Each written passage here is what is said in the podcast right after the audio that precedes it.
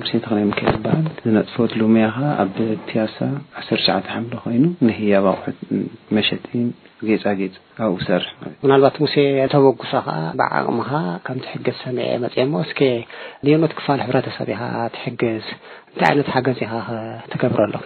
ኣነ እኮ መጀመርያ ዝገብሮ ሓገዝ ከቢድ ሓገዝ ኣይኮነን ግን ኣብዚ ከባቢ ንዝውዕሉ ናይ ኣእምሮ ጸገም ዘለዎም ከምኡ'ውን ብትሑት ብመነባብሮ ዝሳቐዩ ሕብረተሰብና በቲ ንእሽተይ ሕማቕ ዓቕመይ እየ ዝሕግዝ እምበር ብዙሕ'ኳ ኣይሕግዝን'የ ግን ነዚኦም ኣብዚ ከባቢ ኣውራ ዘለዉ ናይ ኣእምሮ ሕሙማት ይሕግዞም እየ። ነዚኦም ናይ ኣእምሮ ሕሙማን ኣውራ እቲ ንገብረሎም ሓገዝ ጥዕናዊ ክንክን እዩ። ንሱ ከኣ።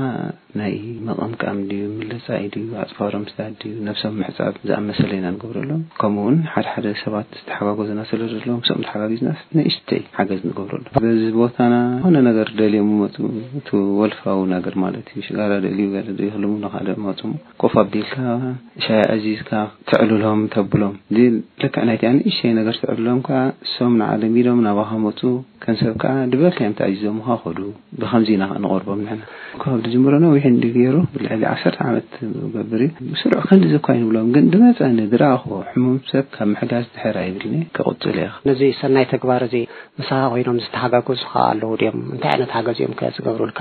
ኣለዉ፣ እቲኦም እንዳ ኣቐምካ ማይ ወሲድካ ክትቕምቆም ከለኻ፣ እቲኦም ሻወር ድሕጸብሉ ክትወስዶም ከለኻ፣ ረሳሒዓተይ'ዮም፣ ከምዚ እዮም ወይ ናይ ቁማል ነገር ኣለዎም ኢሎምሲ፣ ዝኾነ ነገር ንታሕሽ ማይ ይገብርዎን እዮም ዝያዳ ከኣ በዚ ኣጋጣሚ ከኣ ንዕም ከየመስገንኩም ክሓልፍ ኣይደልን ንዕም ከኣ ክተባብዑ ደልየ እም። ኣበይ ቦታ ወሲድካ ኢኻ ትሓጽቦም?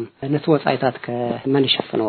ዝሕግዙኻ ኣለዉ ድዮም? እቲ ድበዝሐ ብወጻኢታተይ እዩ ዝገብሮ፣ ሓደ ክልተ ሰባት ከኣ ናይ ክዳን ኣልባሳት ነገር ሓገዝ ይገብሩለይ። እቲ ጽፍሪ እኮ ወላ ብስርሐይ ኮፍ ኢለ ይሰደሎም፣ እቲ ጭሕሚ ገለ ገለ ግን ዝበዝሐ ግዜ ኣብ ሰንበት ድሕሪ ጥዒሚ ንባዕለይ ይገብረሉ ደለየ ኮይኑ ግን ኣብቲ እንዳ ቀምቃማይ ወሲድና ብስሩዕ ኩሉ ጭሕሞም ይኹን ጨጉሪ ርእሶም ክሰዱሎም ንሕብሮም በቲ ኣልሓበርናዮም መሰረት ከኣ ገብሩልና ንሕና ከኣ እቲ ክፊሊቶም እቲ ሞሳኦም ንህቦም ነብሶም ከኣ ኣብኡ ኣብቲ ሻወራት ዘለዋ ናይ መንግስቲ ኣለዋ ገሊኦም ፍቓደኛ ኮይኖም ይኸዱ ኣብቲ ናይ መንግስቲ ደለይ ኮይኑ ከኣ ኣብዚ ቀረባታት ዘለዋ ብሰልዲ ዝኽፈላ ጌርና ከኣ ነብሶም ንከናኸኑ ነቲ ድሌታት ናቶም ኢኻ ትኸይድ ከምዚ ክገብረልካ እየ ከምዚ ክገብረልካ እየ እንዳበልካ ናብቲ እንዳ ቃምቃማይ ምስ ወሰድካዮም ጭሕሞም ድዮም ርእሶም ዝተላጨዩ ንዓበልቲ ሓጸብ ዋላ ኣነምሶም እየ ስለ ልሕጸብ ፍቓደኛ ክኾኑ ብሜላ እዩ ትርር እብሉኻ'ዮም፣ ብሕልፊ ኣብ ማይ ዘለዎም ኣረኣእያ ብጣዕሚ እዮም ዘሸግሩ። ቀዳም ቀዳም ኣብዚ ዕዳጋ ሸቕ ኣሕምልቲ ዝሽቅጣ ገለ ደቂ ኣንስትዮ ከም ትሕግዝ ሰሚዐ ኣለኹ እሞ እንታይ ሓገዝ ኢኻ ትገብር ነዚኤን ደቂ ኣንስትዮኸ?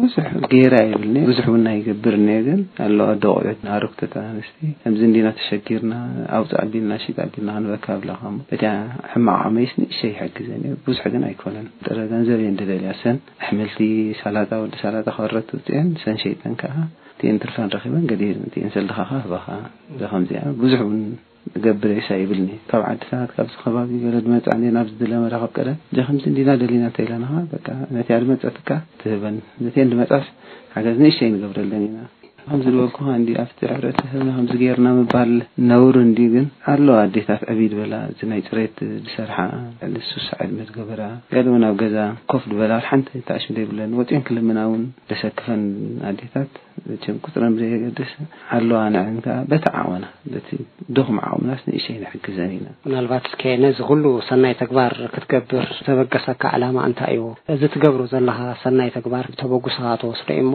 ክሳብ ክንደይ ንዓኻ ዕግበት ኣፈጥረልካ? ኣብ ስድራ ድወርድ ሰናይ ኩሉ ኣባላት ንእሽተይ ድዩ ካልኦት ኣሕዋትና ኣነ ከኣ በቲ ትገብሮ ብጣዕሚ እየ ድዓግብ ምናልባት ሓደ ደይብሉ ሰብ ሓንቲ ባኒ እንድሕር ተደሪሩ ኣነ ከም ተደረርኩ ስለ ዝሓስቦ ብሱሕ መዕግበት እዩ ድስመዓኒ ንዓይ ኩሉ ኤርትራዊ ዜጋ ከኣ ንፉዕ እንድዩ ይተሓጋገዝ እዩ በዚ ኣጋጣሚ ከኣ ነፍሲ ወከፍ ሰብ ኣብ ከባቢኡ ድዩ ኣብ ከባቢ ስርሑ ዘሎ ናይ ኣእምሮ ጸገም ይኹን ናይ መነባብሮቶ ከም ዘለዎ ሰብ ከባቢኡ ባዕሉ እንድሕር ኣልይዎ ኣብ ደገ ወጺኡ ዝጭነቕ ይኹን ዝልምን ሰብ ኣይክህሉን እዩ። ነፍሲ ወከፍ ሰብ ሓላፍነት ተሰሚዕዎ ኣብ ከባቢኡ ዘሎ ሰብ እንድሕር ሓጊዙ ሓገዝ ህዝብን መንግስትን ስለ ዝኾነ ኩሉ ሰብ ኣብ ከባቢኡ ዘሎ ነቲኦም ንደገ ዝወጹ ዘለዉ ኣሕዋትናን ተኣሽሙናስ ንተሓጋገዝ እየ ድብል በዚ ኣጋጣሚ። ስምኦን ተኽለሚካኤል እበሃል። ዕዳጋ ሓሙስ እዩ ገዛውተይ። ሙሴ ምንኣስ ምንኣስ ሓውየ እዚ ንገብሮ ንጽጉማት ምሕጋዝ ኮልና እዩ ምሽ ከምዚ ንበረኸት ክኾነና ንዓና ንሶም ኮላይ ካብ ኣቦኦም ካብ ኣዲኦም ካብ ኣሕዋቶም ተነጺሎም ወይ ውልደ ኣቦ ኣደ ዘይብሎም ኮይኖም ብመንግስቲ ዝእለዩ እዮም ንዚኦም ኮላይ ኣብ ትሕቲ መንግስቲ ኮይና ኮላይ ንሕና ከምዚ ዝበልኩኻ ንበረኸት ንክኾነና ኢልና ኣብ ሰሙን ሓንቲ ግዜ ካብተን ሰሙናት ዘለዋ ኮላይ ሓንቲ መዓልቲ ኣብታ ንዓኻ ትጥዕመካ ካብ ሰኑይ ክሳብ ሰንበት ነምስሖም ነድርሮም ማለት እዩ ኣብታ ናይ ሰንበት ቆላይ ብፉሉይ ቆላይ ነብሶም ፅሬት ናይ ፅሬት ነገር ንገብረሎም። ምስ መን ኮንካ ኢኻ ነዚ ሰናይ ተግባር ትፍፅሞ? ክንደይ ትኾኑ ሰባት ኢኹም? እቲ ንገብሮ ሓገዝ ንዐዐን ንምሕጋዝ እዩ እምበር ፍሉይ ሓገዝ ንገብሮ ነገር ኣይኮነን። ብትምህርተ ሰንበት ተጠርኒፉ ዝካየድ እዩ። ካብ ኩሉ ቤተክርስትያናት ይርሓቕ ይቕረብ ኣብታ መዓልቱ ፈሊጡ፣ መጺኡ እዩ ዘገልግሎም። ኣብ ሓደ መዓልትስ ውሑድ ሰላሳ ሰባት ናይ ምሳሕ ግዝያት ይመስል። እዚ ክንገብር ከለና ግን ብፍቓድ ናይ መንግስትን ብፍቓድ ናይቶም ኣብታ ናይ እንዳ ሰዓል ዘለዉ ሓለፍቲ ፍቓድ ተዋሂብና ኢና ንገብር። ብምርድዳእ እዩ እቲ ንገብሮ ግብሪ ማለት እዩ። እተን ናብኡ ዝሰርሓ ሰራሕተኛታት ከም ተወሳኺ ሓገዝ ኢኹም ትገብሩ ዘለኹም እሞ ከመይ ይመስል እቲ ግብረ መልሲ እቲ? እተን ኣብኡ ተመዲበን ዝሰርሑ ዘለዉ ሰራሕተኛታት፣ በቲ ኣንሕና እንገብሮ ሓገዝ ብጣዕሚ ሕጉሳት እዮም። ናይ ኣእምሮ ጸገም ክሳብ ዝኾኑ ከሸግሩዎም ከብሉዎም ገለ ስለ ዝኽእሉ ማለት እዩ። ተወሳኺ ሰብ ድሕር መጺእካ ግን ነቲ ስራሕኻስ የቃልለልካ እምበር ኣይሃስየካን እዩ። ሕጂ ንዐኣን እቲ ስርሐን ቅልል ስለ ዝበለለን ብጣዕሚ ሕጉሳት እየን። ብጽቡቕ መንፈስ እየን ዝቅበልኦ።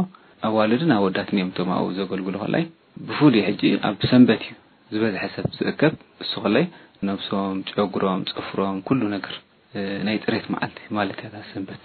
እቲ ደጋጊምካ ምምጻእ ወይ እቲ ዓሰርተ ግዜ ኣኣብ መዓልትኻ ቆጺርካ ምምጻእ እቲ ገጽ ናይ ገጽ ምርኣይ ከምዚ ናይ ኣብ ሓደ ገዛ ዘለኻ ኢሎምድኻሞ እስኻ ዝበልካዮ ምእዘዙኻ እሶም ዝበሉኻ ወላ ኣይትሰምዖም እስኻ በቲ ዝኸድዎ ኪደት ኮላይ ዝመሓየሹ ኣለዉ እቲ ኣፋውስ እቲ ከኒናታት ገለገለ ውን ማዕረ ማዕሪኡ ስለ ዝወስድዎ ማለት እዩ ክትመጹም ከለኻ ብፍሉይ ኣብ ገጾም ትሪኦ ኢኻ ይሕጎሱ እዮም ባህታ ዝስምዖም ከምዚ እስኻ ኣብኡ ከምኡ ምግባርካ እውን ምሽ ከምዚ ዕግበት ዝስመዐካ ሽዑ ኣባይ ጀሚርካ ልክዕ እቶም ኣብኡ ሓሚሞም ዘለዉ ናይ ኣእምሮ ፀገም ከም ኣቦናን ከም ኣዴናን ከም ኣሕዋትናን ከም ኣሓትናን ክሳብ ዝኾኑ ከይተሓለልና ከምዚ ኮይንና ከምዚ ኣጋጢሙና ከይበልና ክሳብ እቲ ዓቕምና ዝፈቕዶ ክንሕግዞም ከነሳልዮም ንብምልኦም እቶም ኣብኡ ኣብቲ እናስዓል ዝሳተፉ ኮላይ ብሽመይ ብሽም ኩላትና ከመስግኖም ይፈቱ።